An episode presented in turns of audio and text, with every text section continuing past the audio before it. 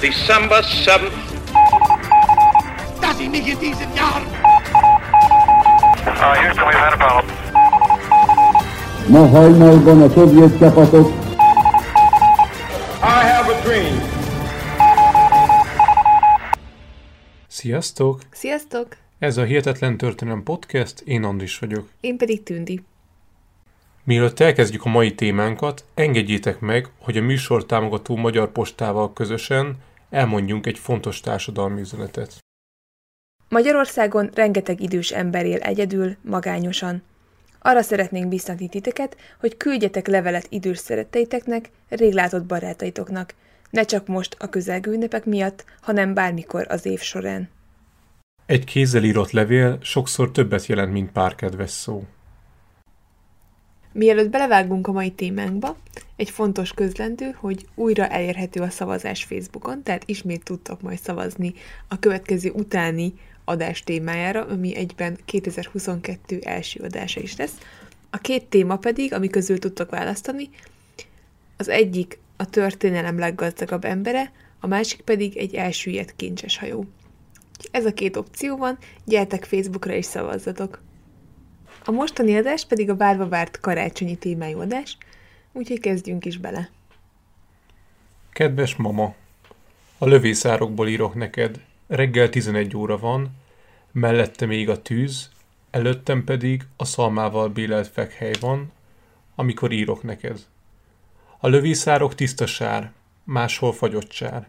Számban egy pipa, amit Mária hercegnő küldött a postával minden katonának. A pipában dohány. Persze mondanád, mit keres a dohánya, de várj! A pipában német dohány van. Haha, mondanád, biztos egy német fogolytól, vagy egy elfogott ellenséges lövészárokból szereztem, de egyáltalán nem. Egy német katonától van. Igen, egy élő, német katonától, a saját lövészárkukból. Tegnap a britek és a németek találkoztak a sáncok közötti senki földjén. Szuveníreket csereberéltek, és kezet ráztak. Igen, egész nap karácsony volt. Csodálatos, nem? Írta a 19 éves brit Harry Williamson. A mai adásunkban az első világháború idején kirobbant spontán karácsonyi tűzszünetről fogunk beszélni, arról, amikor az ellenséges felek a senki földjén találkoztak és egymással barátkoztak. Erről az eseményről már biztosan sokat hallottatok, volt is egyébként pár éve egy ilyen reklám, de most egy kicsit jobban belemegyünk a részletekbe. Megnézzük, hogy mi vezetett a spontán tűzszünetekhez, és választ adunk arra is, hogy valóban volt egy barátságos foci meccs a felek között. Úgyhogy tartsatok velünk ismét!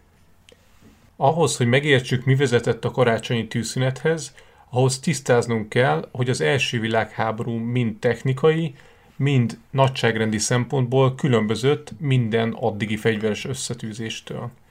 Kevesen szokták tudni, hogy az egymással szemben álló felek gyakorlatilag unokatestvérek voltak. Ugye ott van a brit Viktória királynő, akinek az unokája volt 5. György brit király az első világháború idején, második villamos német császár is szintén Viktória királynő unokája, de ott van az orosz második Miklós cár felesége is, aki szintén Viktória királynő unokája volt, tehát gyakorlatilag három unokatestvér háborúzott egymással. Természetesen ezek az összefonódások annak voltak köszönhetőek, ugye, hogy régebben a királyi családok és dinasztiák keresztbe házasodtak, úgyhogy ezért lehetett az, hogy az első világháború során ilyen közeli rokonságba kerültek, vagy voltak egymással az ellenséges csapatoknak az uralkodói. A háború elején a németek az úgynevezett Schlieffen tervvel készültek, aminek a lényege a gyorsaság volt, és az, hogy egy villámháborúban mi hamarabb legyőzzék Franciaországot, hogy aztán a haderejük nagy részét Oroszország ellen fordíthassák. Mivel a francia-német határon egy megerősített erőtrendszer védte Franciaországot, így a német terv lényege az volt, hogy a semleges Belgiumon, Hollandián és Luxemburgon keresztül indítanak egy megkerülő támadást. A németek egy millió katonával számoltak, akik északról megkerülték volna Párizst, és bekerítették volna a védekező francia hadsereget, majd meg is semmisítették volna azt. A Stieffen-terv alapkoncepciója már az 1800-as évek végén megszületett, ami jól mutatja, hogy a háború kitörése előtt már jóval korábban arra készültek, hogy egyszer majd még jól fog jönni egy ilyen haditerv. Erről az jutott eszembe, hogy mennyire előre gondolkoznak az országok, hogy ugye az atombombás adásunkban is beszéltünk arról, hogy nem sokkal, tehát pár hét telt el azután, hogy ledobták a két atombombát az amerikaiak, már is készítettek egy szigorúan titkos iratot, ami arról szólt, hogy a Szovjetuniónak mekkorák a legnagyobb városai, és hogy ott, ha ledobják a bombákat, akkor az milyen hatással ő lesz azokra a városokra, és hogy mekkora pusztítást tudna végezni. És ugye itt még az 1800-as évek végén már volt egy terv arra vonatkozóan, hogy a franciák ellen hogyan tudnak majd harcolni a németek. Tehát itt is már nagyon előre gondolkoztak. Az már egy másik kérdés, hogy a terv az teljes kudarcot vallott, és a mozgóháború hamar állóháborúvá vált.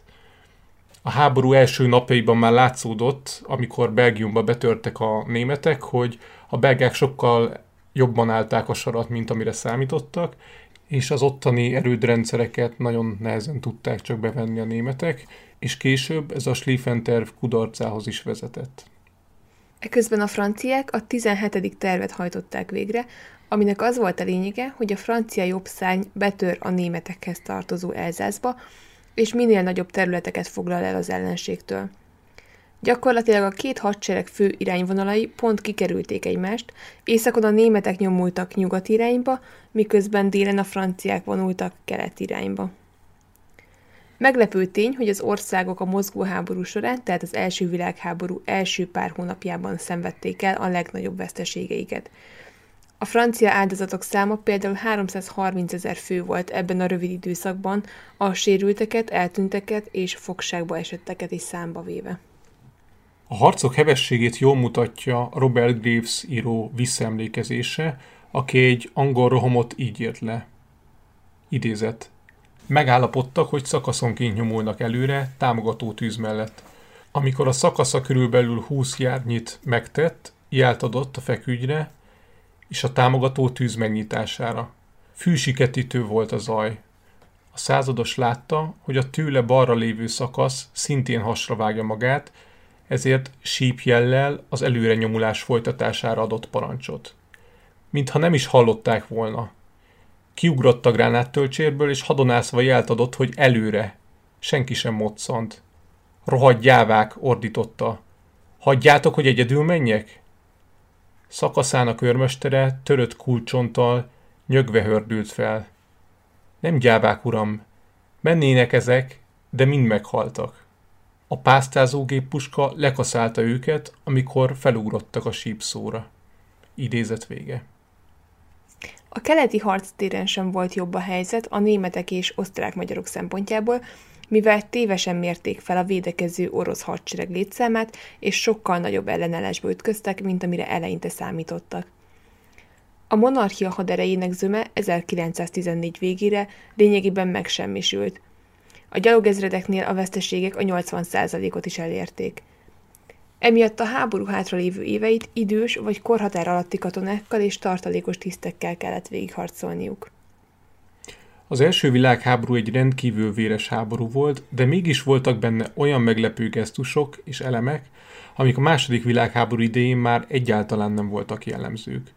Erre jó példa a szerb hadsereg főparancsnokának az esete, aki éppen Stájerországban kurálta magát lányával, amikor a monarchia és Szerbia között a konfliktus kiéleződött.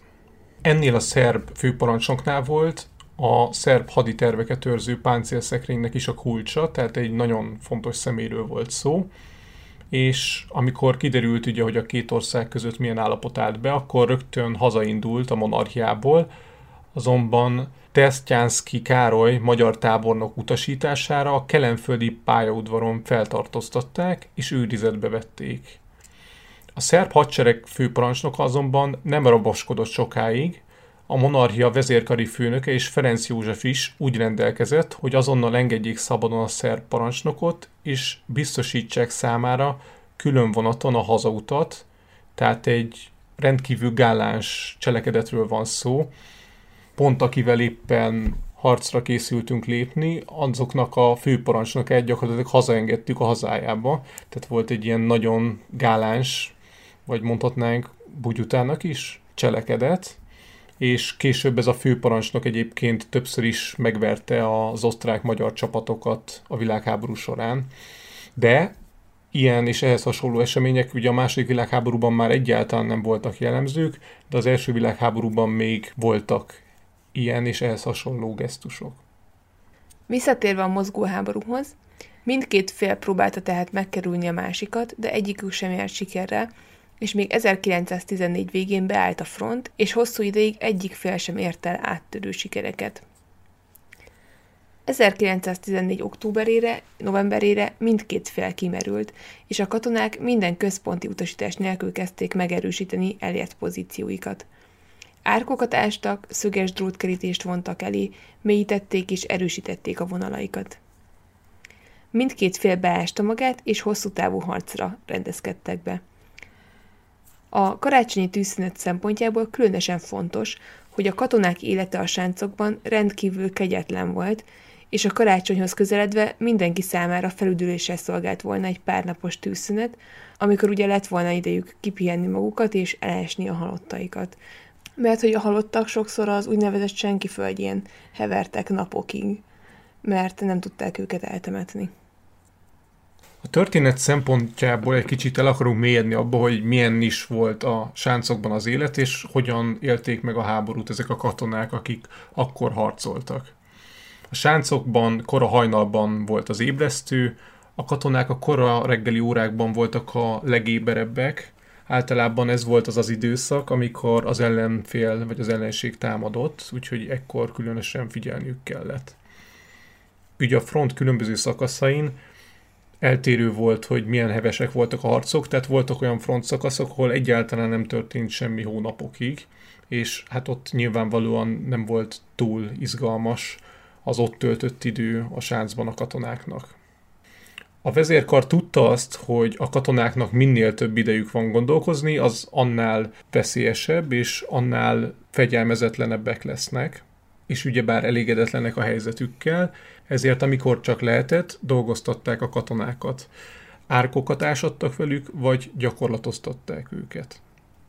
Napközben az ember általában ráért a legtöbb esetben, viszont alkonyatkor jellemzően megint csak megélénkült az élet a sáncokban, általában ekkor volt lehetőség, hogy a fedezékeket megerősítsék.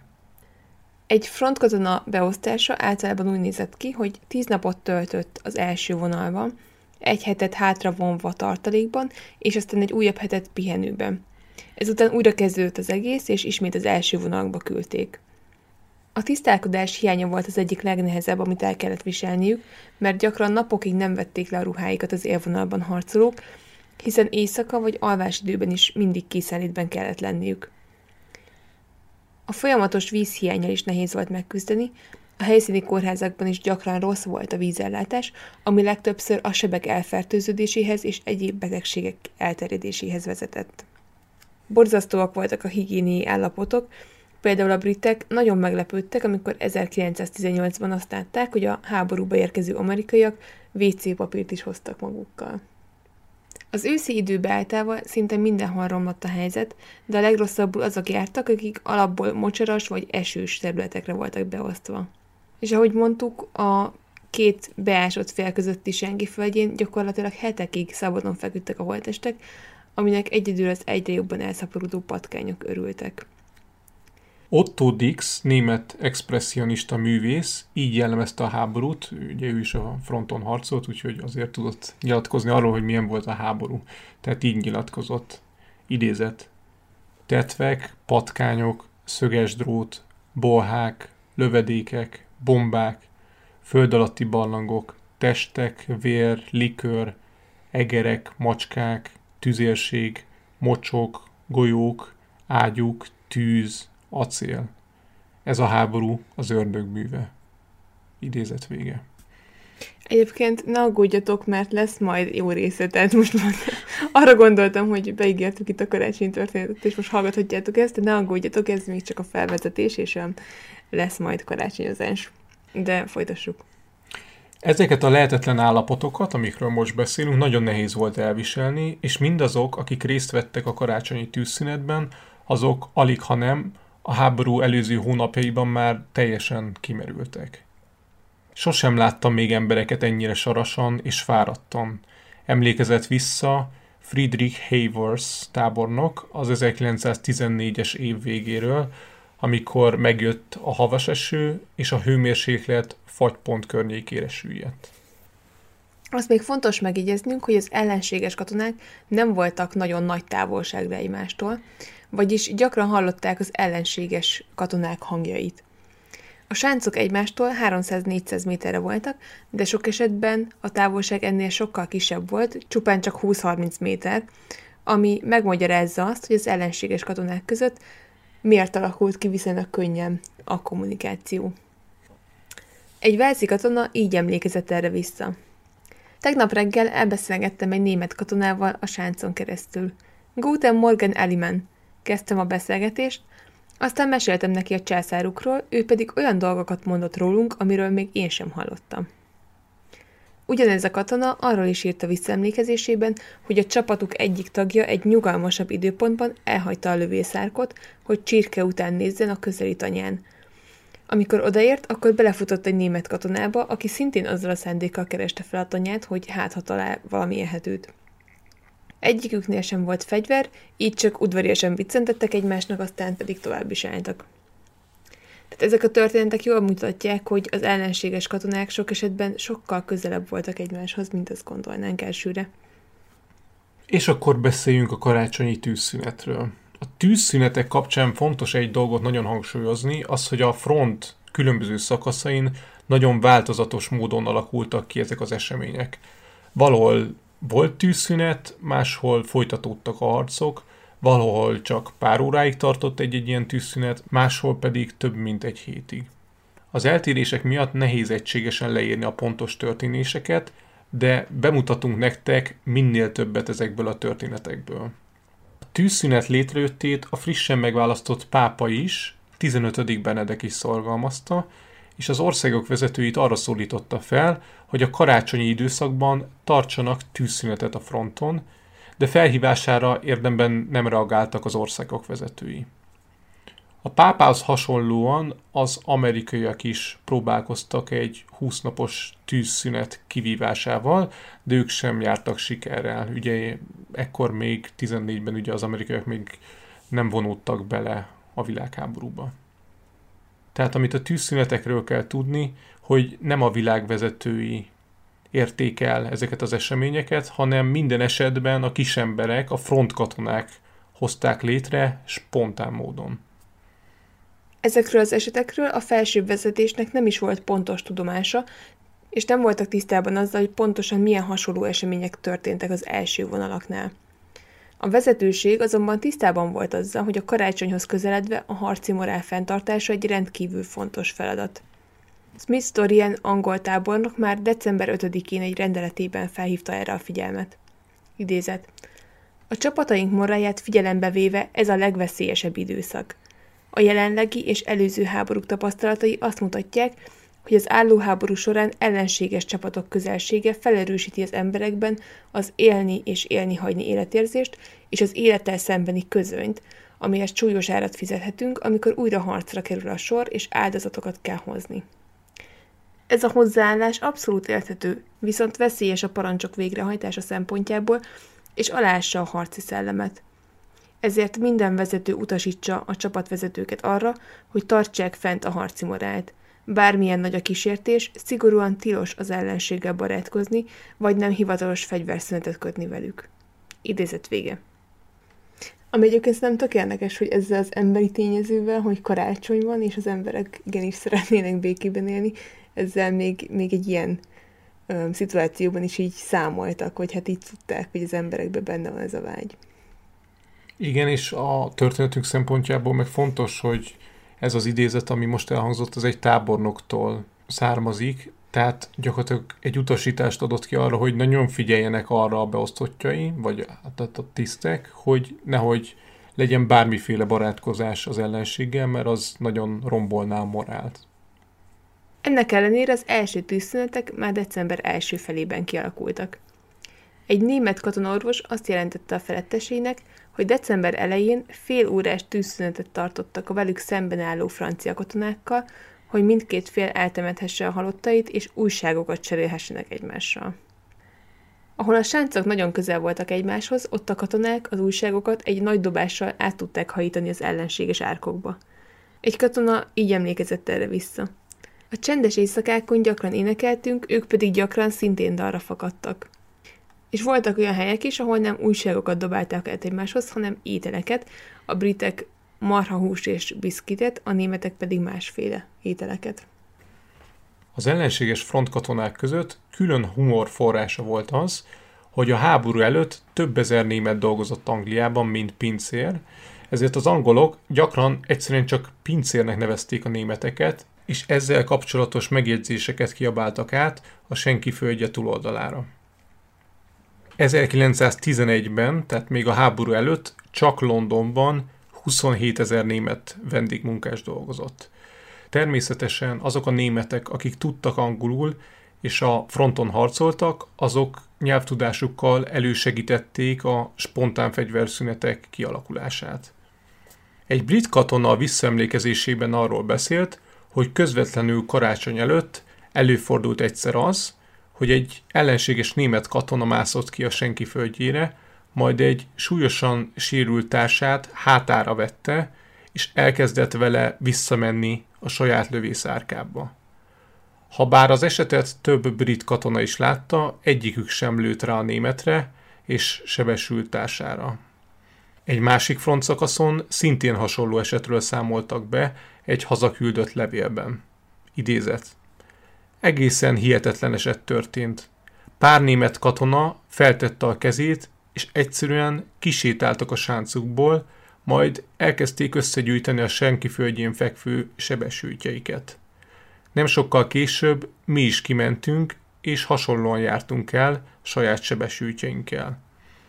Aztán a németek odahívtak minket magukhoz, és többen oda is mentünk közülünk, és többen beszélgetésbe legyettünk velük. Aztán a németek segítettek eltemetni a halottainkat. Ez az esemény egész délelőtt tartott, és magam is beszélgettem jó pár némettel, és azt kell mondjam, rendkívüli emberek. Idézet vége. A tűzszünet és a barátkozás kialakulásának ez volt az egyik legjellemzőbb formája a front más szakaszain is. Az elején mindkét fél engedte, hogy a másik kimenjen a senki földjére és eltemesse a halottait, aztán pedig szóba legyettek egymással.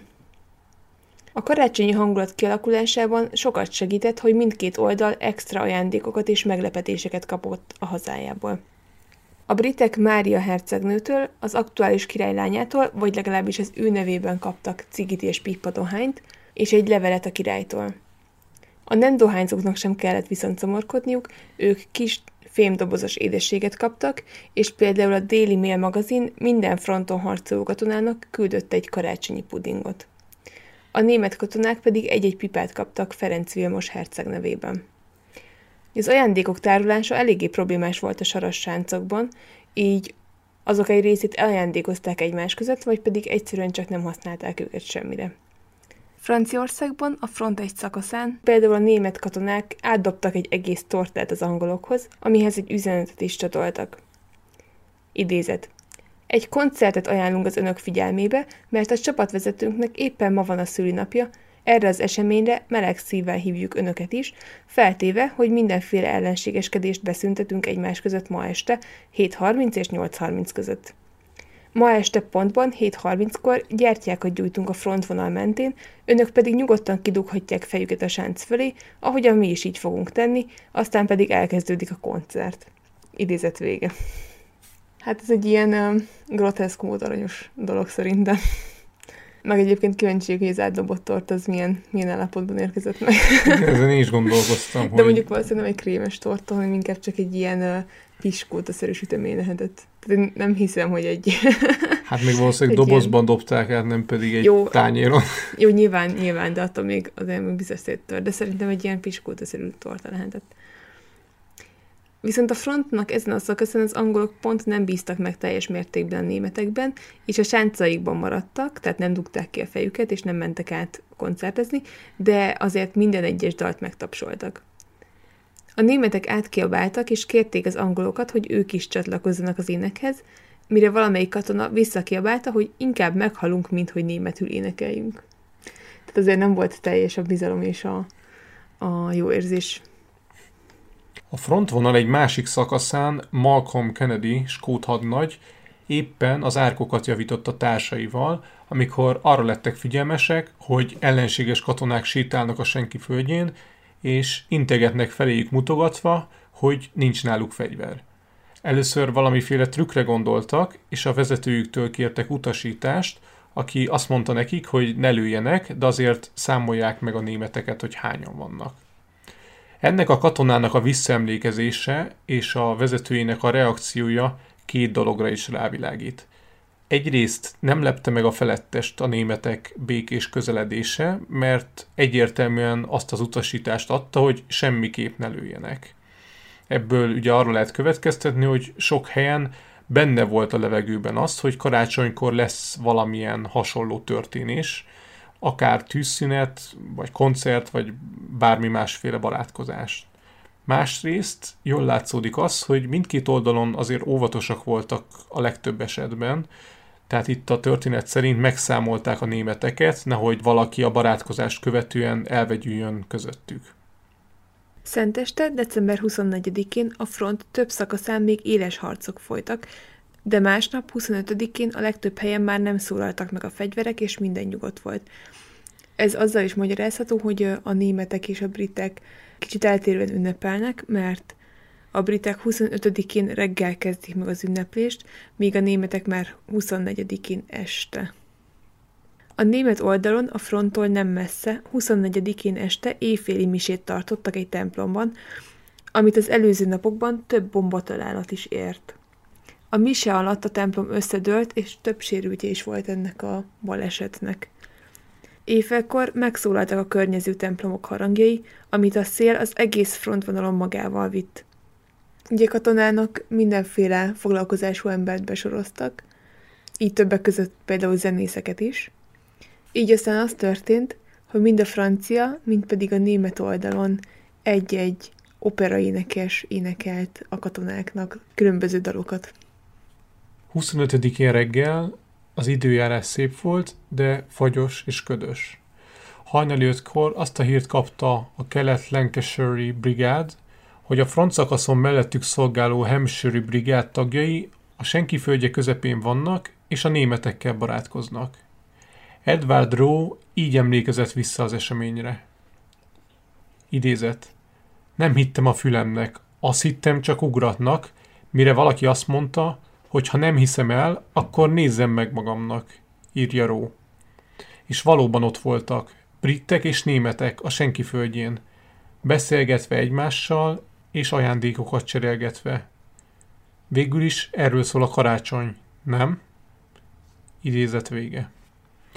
Ró visszaemlékezésében azt is megírta, hogy pontosan miben állapodtak meg a vezetőik a tűzszünet kapcsán, ami állítása szerint a környező frontszakaszokon is mind hasonlóképpen történhetett. A tűzszünet szabályai így szóltak. 1. Az ellenséges tüzérség támadása esetén a tűzszünet érvényben marad, mivel a tüzérségre nem vagyunk hatással a front első vonalában. 2. Amennyiben bármelyik fél tűzparancsot kap a feletteseitől, abban az esetben az első három tárat a levegőbe lövi ki, hogy a másik félnek legyen ideje ezt követően fedezékbe vonulnia. 3. A németeknek ki volt adva, hogy naponta kötelező valamennyi lőszert elhasználniuk a géppuskával, ezért a géppuska használata előtt éles sípszóval kellett figyelmeztetniük az ellenséges csapatokat, hogy számítsanak erre. A német géppuskák használata, amennyiben az megoldható, akkor minden nap délután 5 és 6 között hajtsák végre ezeket az akciókat. 4. Egyik fél sem húzhatott ki új szöges drótakadályt a saját lövész árkai elé. 5. Amennyiben bármelyik fél gyilkolási szándékkal tüzet nyit, akkor a fegyverszünetnek azonnal vége. Most ugye a nyugati frontról beszéltünk, főleg azért, mert a legtöbb visszaemlékezés az itteni eseményekről szól, de a keleti fronton is kialakultak spontán tűzszünetek és karácsonyi gesztusok. Az orosz-osztrák-magyar fronton a semisi elődrendszernél hatalmas harcok voltak, ahol például egy front szakaszon az oroszok egy karácsonyfát helyeztek el a senki földjén az alábbi felirattal, amit a védekező monarchiabeli csapatoknak címeztek. Boldog karácsonyt kívánunk semmisülő hőseinek, és reméljük, hogy minél hamarabb sikerül kibékülnünk. Kók Rudolf, magyar tüzértiszt, így írt a karácsonyról. Idézet. Este hat órakor volt a mi kis ünnepélyünk. Meggyújtottuk a ragyogó kis karácsonyfát, és az ünnepélyes csendben felhangzott a gramofonunkról Schubert gyönyörű Áve Mariája. Meghatottan állattuk körül a fát, mi tisztek és a német család. Hazaszálltak a gondolatok az első karácsonyi harctéri esten, és csendesen potyogtak a könnyeink. Sokáig gyönyörködtünk a karácsonyfánkban, eszünkbe jutva valamennyi kedves karácsonyi este. Idézet vége. Sir Edward Hughes visszaemlékezése is érdekes. Ő arról írt, hogy látták, hogy a németek közelednek hozzájuk a senki földjén keresztül, és egyértelmű parancsot kaptak, hogy ne lőjenek. Hughes maga kimászott az árokból, és a németek elé ment, hogy megtudja, mit akarnak tőlük, és hogy megakadályozza, hogy közelebb jöjjenek. A németek közül az egyikről kiderült, hogy a háború előtt Angliában élt, és hogy ott hagyta Angliában a barátnőjét és a motorját is. A német egy levelet írt, amit Hulsz meg is ígért, hogy eljuttat majd a lányhoz.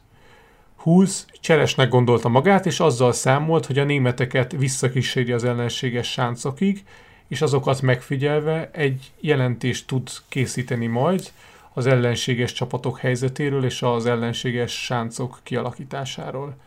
El is kísérte a németeket, majd visszatérve a saját csapataihoz, rögtön az volt az első dolga, hogy hátrament a parancsnokságra, hogy jelentse, amit látott.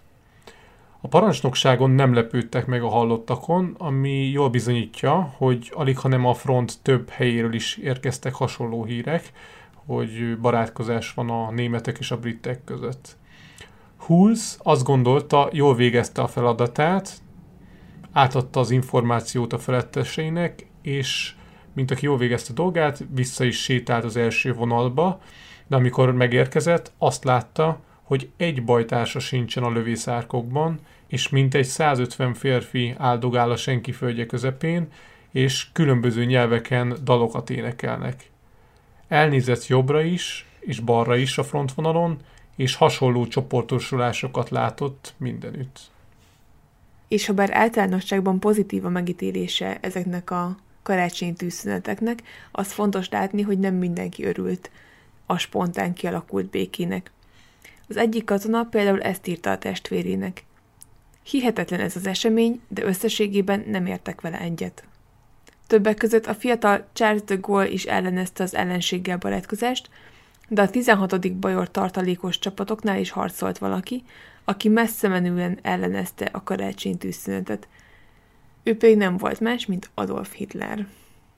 Tehát Hitler sem örült annak, hogy karácsonykor együtt énekelnek az angolok és a németek. Egy brit katona a visszaemlékezésében arról írt, hogy több áldozata is volt a tűzszünetnek. Ő látott olyat, hogy a boldog karácsonyt kívánó németekre rálőttek a britek, de hallott olyanról is, hogy a cseréldohányjal a senki földjéről visszatérő két angolt hátba lőtték. Béli kongrév százados pedig tüzet nyitott a sáncaikból békésen előmászó németekre. Később azt mondta az esetről, hogy ez volt az egyetlen tűzszünet, amit a németek megérdemeltek.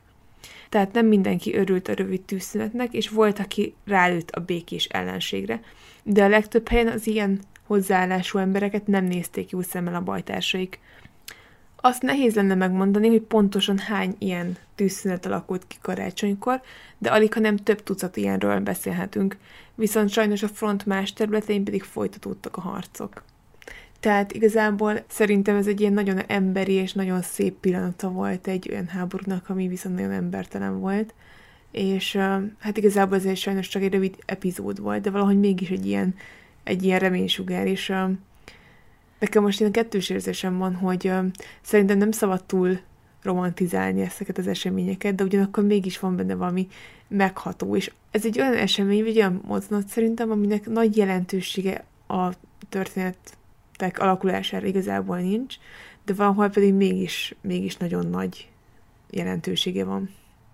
Igen, a történészek egyértelműen azt mondják, hogy ez egy elenyésző történések sorozata volt az első világháborúban, tehát gyakorlatilag semmire nem volt ez hatással, ugyanakkor mégis szívet melengető hallgatni ezeket a történeteket.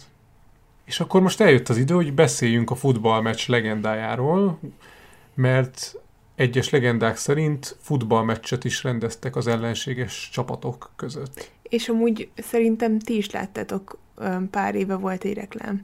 Egyébként nagyon jó hangulatú reklám, ami, ami pont ezt a jelenetet elevenítette föl, hogy ott volt a front, és egy katona volt a, a lövészárokban, és akkor egyszer csak hallott valami éneket, és akkor, akkor fölnézett, és a következő jelenetelen valami olyasmi, hogy már ott együtt focizgatnak. Majd megkeresem, és betesszük a linkek közé. Tehát a karácsonyi tűzszünet kapcsán az egyik leghíresebb legenda, hogy a front több szakaszán is barátságos mérkőzést játszottak egymással az ellenséges csapatok. Az igazság az, hogy a történészek mind a mai napig bizonytalanok abban, hogy ezek a mérkőzések tényleg megtörténtek-e. Jellemzően nincs olyan visszaemlékezés a meccsekről, amit valaki úgy ért le, hogy ő maga személyesen részt vett volna az eseményen. Az összes rendelkezésre álló visszaemlékezés arról szól, hogy az illető hallott valakiről, akinek az egyik ismerőse mondta, hogy ő állítólag ott volt egy ilyen meccsen, tehát ez a tipikus valaki látta, aki látott, és akkor így ezekből a sorozatokból nyilván azt, hogy valójában megtörtént, azt nem lehet tudni. Nagyon sok visszaemlékezés áll rendelkezésre ebből az időszakból, tehát az első világháború korszakából, hiszen a katonák a lövészárkokban jellemzően unatkoztak, ezért nagyon sokan azzal töltötték az idejüket, hogy leveleket írtak, vagy naplót vezettek, vagy rajzoltak, és így egy több százezer fős mintavétel alapján elég furcsa, hogy senki nem volt ott egyértelműen egy ilyen foci mérkőzésen sem, csak hallott róla. A másik dolog, amiben sokan nem gondolnak bele, hogy amikor foci meccsről beszélünk, akkor az eddigiek alapján már el tudjátok képzelni, hogy hogyan néz ki a senki földje. És egy ilyen helyen foci meccset rendezni, hát ö, nem éppen lányálom. Sár, dagonya, bombatölcsérek, szöges drót akadályok váltják egymást, ezek alapján pedig nehéz elképzelni azt, hogy találtak volna egy olyan viszonylag lapos szakaszt, ahol rendes körülmények között le lehetett volna játszani egy ilyen mérkőzést. Ezen kívül számos hazaküldött levél arról szólt, hogy szívesen fociztak volna, de nem volt rá lehetőségük, vagy pedig nem találtak labdát, ami nem túl meglepő a frontvonalban. Tav Gillingham történész véleménye szerint sok a mendemonda a foci meccs kapcsán, és egy kézen meg lehet számolni a tényleges bizonyítékokat. Például egy Peter Jackson nevű tiszt egészen 1968-ig nyilatkozta azt, hogy részt vett a foci meccsen, de aztán hirtelen bevallotta, hogy ezt az egészet csak kitalálta. 2014-ben került elő egy olyan levél, amiben egy katona arról írt, hogy ő játszott egy foci meccsen, és a helyszínt is megnevezte. Wolvergemben, Belgiumban. Az előkerült levélnek azért volt bizonyító ereje, mert egy évtizedek óta ismert levéllel csengett össze, amit a másik levél előkerüléséig nem tudtak teljes mértékben elfogadni a történészek, mint bizonyítékot. De így, hogy most már két levél is ugyanarról a meccsről szólt, így biztosak lehetünk abban, hogy ez az eset tényleg megtörtént. Pár hónappal később két német levelet is felfedeztek, amiben szintén egymás állításait erősítik meg a katonák, csak azok a front egy másik szakaszáról származnak, így összesen négy levél tanúskodik arról, hogy biztosan volt két helyen foci meccs 1914 karácsonyán. Ami egy jó hír azoknak, akik reménykedtek, hogy ez tényleg megtörtént. Sajnos a tűzszünet az a front különböző szakaszain mindenhol egy idő után megszűnt. Ez nagyon eltérő volt, valahol már december 26-án újraindultak a harcok, máshol pedig majdnem két hétig tartott a tűzszünet. Egy német katona, József Wenzel, aki egy egységben szolgált Adolf Hitlerrel, hazaírt levelében arról írt, hogy december 26-án érkezett ki a front első vonalába, hogy felváltsák az első sorokban harcoló egységeket. Meglepődve tapasztalták, hogy társaik, akiket le kellett volna váltaniuk, arról beszéltek, hogy most nem kell számolni tűzharccal, mivel előző nap még az angolokkal barátkoztak a senki földjén. József Vencel nehezen hitte el a hallottakat, de aztán látta, hogy angol cigi és egyéb külföldi szuvenírek is vannak társaiknál. A leváltás követően másnap újra megjelentek az angolok a senki földjén, és folytatódtak a barátkozások. Azonban nem mindenhol volt így.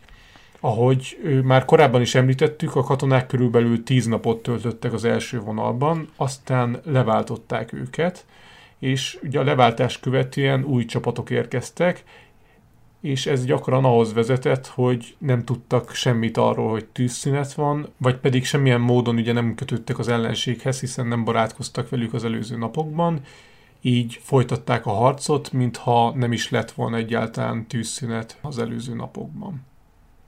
A tábornokoknak és a felső vezetésnek egyáltalán nem állt érdekében, hogy az ellenséggel barátságot kössenek a fronton harcoló katonák. A parancs úgy szólt, hogy tűzszünet esetén meg kell büntetni a bűnös tiszteket, de arról nincs hiteles feljegyzés, hogy valakit tényleg elítéltek volna, vagy megbüntettek volna amiatt, hogy tűzszünetet kötöttek idéglenesen karácsonykor. Így alig, hanem minden érintett esetén ejtették a vállat, hogyha volt ilyen. Egy visszaemlékezés arról tanúskodik, hogy azzal az indokkal mentették fel a felelősöket, hogy az érintettek a tűzszünet során alaposan megvizsgálták az ellenséges állások állapotát, ami segített nekik a későbbi harcokban. Tehát, ahogy említettük, a karácsonyt követően egyre több helyen újraindultak a harcok, de több helyen előfordult az is, hogy a tűzszünet feloldása előtt az ellenséges felek figyelmeztették egymást arra, hogy parancsot kaptak a tűz megnyitására, és hogy például egy óra múlva számítsanak arra, hogy minden visszaáll a régi kerékvágásba. Ami egyébként biztos nagyon fájdalmas lehetett, tehát mondjuk összebarátkoztál valakivel, mondjuk beszéltél neki a családodról, ő is az övéről, tehát valószínűleg érezhették ezek a, ezek a frontkatonák, hogy tulajdonképpen ugyanabban a cipőben járnak, egy csónakban neveznek, mert, mert hát kiküldték őket konkrétan meghalni. Ez azért nagyon szomorú. A front egy szakaszán például nem is teljesítették a tűzparancsot úgy, ahogy a hadvezetés elképzelte. A németek egy csokis dobozt dobtak át az angolok árkába, amire az volt írva, hogy a levegőbe fognak majd lőni, és ne lepődjenek meg. Egy Watt nevű Yorkshire hadnagy pedig december 30-ai naplóbejegyzésében ezt írta. Idézet. Hír jött a németektől, hogy délután a tábornok meglátogatja a frontnak ezen szakaszát, és jobb, ha fedezékbe vonul mindenki, mert valószínűleg egy kisebb lövöldözést kell rendezniük, mintha minden rendeltetésszerűen menne a fronton. Idézet vége. Sajnos szépen lassan minden tűzszünetet feloldottak, és az egész fronton folytatódtak a harcok. Viszont kevésbé ismert tény, hogy egy évvel később, 1915-ben is volt egy-két helyen karácsonyi tűzszünet, csak jóval kevesebb helyen, mint egy évvel korábban. Érdekesség az is, hogy a franciák és a németek szemszögéből a karácsonyi fegyverszünet utólag inkább hazafiatlan cselekedetnek tűnt, amiről nem szívesen publikáltak vagy meséltek. Ennek a fő oka természetesen az első világháborút követő heves politikai események, a nacionalizmus és a második világháború az oka. Valamint arról se feledkezzünk el, hogy ugye a Daily Mail, meg ezek a brit újságok, ezek nagyon gyakran lehozták ezeket a híreket azzal kapcsolatban, hogy voltak tűzszünetek a fronton, viszont ugye a britek nem saját hazájukat védték, ami ugye nem mondható el a franciákról és a németekről, tehát amikor valaki honvédő háborút folytat, akkor nyilvánvalóan hazafiatlansággal vádolhatják meg abban az esetben, hogyha ő parolázik az ellenséggel. Természetesen, amikor Németországban Hitler lett a kancellár, akkor az ilyen jellegű történetek felemlegetése, ami a tűzszünetről szól, egyértelműen az emberek nem tetszését váltotta volna ki. Ezt a sok éves hallgatást bizonyítja az is, hogy a fegyverszünetről készült 2005-ös francia könyvet egy olyan borítóval látták el, amire az volt írva, hogy az utolsó tabu. A németek esetében pedig egészen 2003-ig kellett várni, hogy megjelenjen az első direkt erről a témáról szóló könyv. Akit érdekel ez a téma, vagy különösen az első világháború és az azzal kapcsolatos személyes történetek, azoknak javasoljuk Bihari Péter 1914 a Nagy háború száz éve című könyvét. Én nagyon szeretem ezt a könyvet, mert nagyon informatív, és egy tökéletes monográfia, ami megjelent az első világháborúról, és számomra azért is kedves, mert engem Bihari tanár úr tanított is. Ezen kívül a tűzszünet kapcsán tudunk javasolni egy filmet, aminek a címe Fegyverszünet karácsonyra, ami a tűzszünet történetét dolgozza fel, valamint javasoljuk még Peter Jacksonnak az első világháborúról szóló filmjét. Ugye ő az a Peter Jackson, aki a Gyűrűk urát is rendezte. Ennek a filmnek az a címe, hogy Akik már nem öregszenek meg, és egy nagyon érdekes film, mivel archív felvételeket használtak fel a film készítéséhez. Ugye ezek nyilván fekete-fehér felvételek voltak, viszont ezeket utólag mai technikával kiszínezték, és ezeket a színes felvételeket láthatjuk, miközben veterán katonák mesélnek arról, hogy milyen volt a háború. Egy nagyon érdekes film, mindenkinek tudjuk javasolni. Egy brit katona, Colin Wilson visszaemlékezésével zárjuk a mostani adást, ugyanis ő arról mesélt, hogy amikor a fronton voltak, akkor, és karácsony este volt, akkor hallotta, hogy egy német énekli a Csendes Égy című dalt, és aztán csatlakoztak hozzá a britek is, és végül közösen énekeltek németül és angolul. Úgyhogy most meghallgathatjátok, hogy körülbelül hogy hangozhat egy ilyen kétnyelvű csendesély. És ezzel búcsúzunk mára. Szeretnénk nagyon-nagyon boldog karácsonyt kívánni mindannyiótoknak, és találkozunk nem sokára. Addig is legyetek jók, egyetek sok beiglit, és boldog karácsonyt kívánunk! Boldog karácsonyt! Sziasztok! Sziasztok!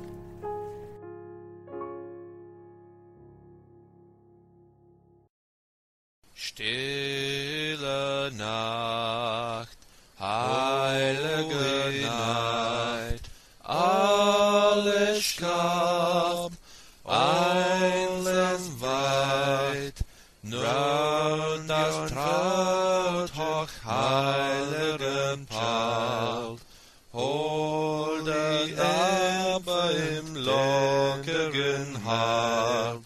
schlaf in himmlischer Peace, schlaf in himmlischer.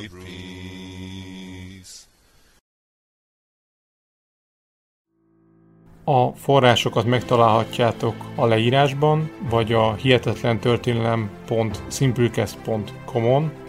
Kövessétek a Facebook oldalunkat is, a Hihetetlen Történelem Podcast Facebook oldalt, ahol három naponta jelentkezünk érdekes villámtörikkel.